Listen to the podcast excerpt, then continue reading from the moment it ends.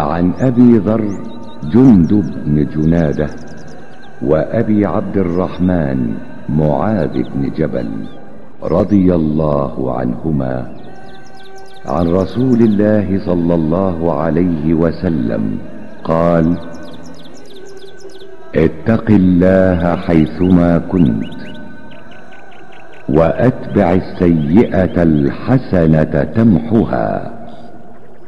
وخالق الناس بخلق حسن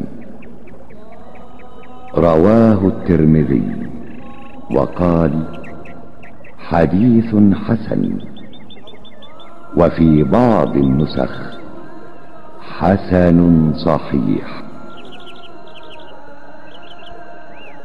od Ebu Zerra, Džunduba ibn Džunada i Ebu Abdurrahmana Muaza ibn Džebela radijallahu anhuma.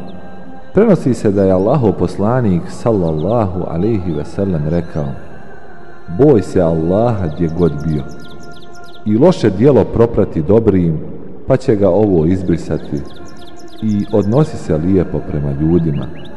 Hadis bilježi Tirmizi i kaže da je Hasanun Sahih.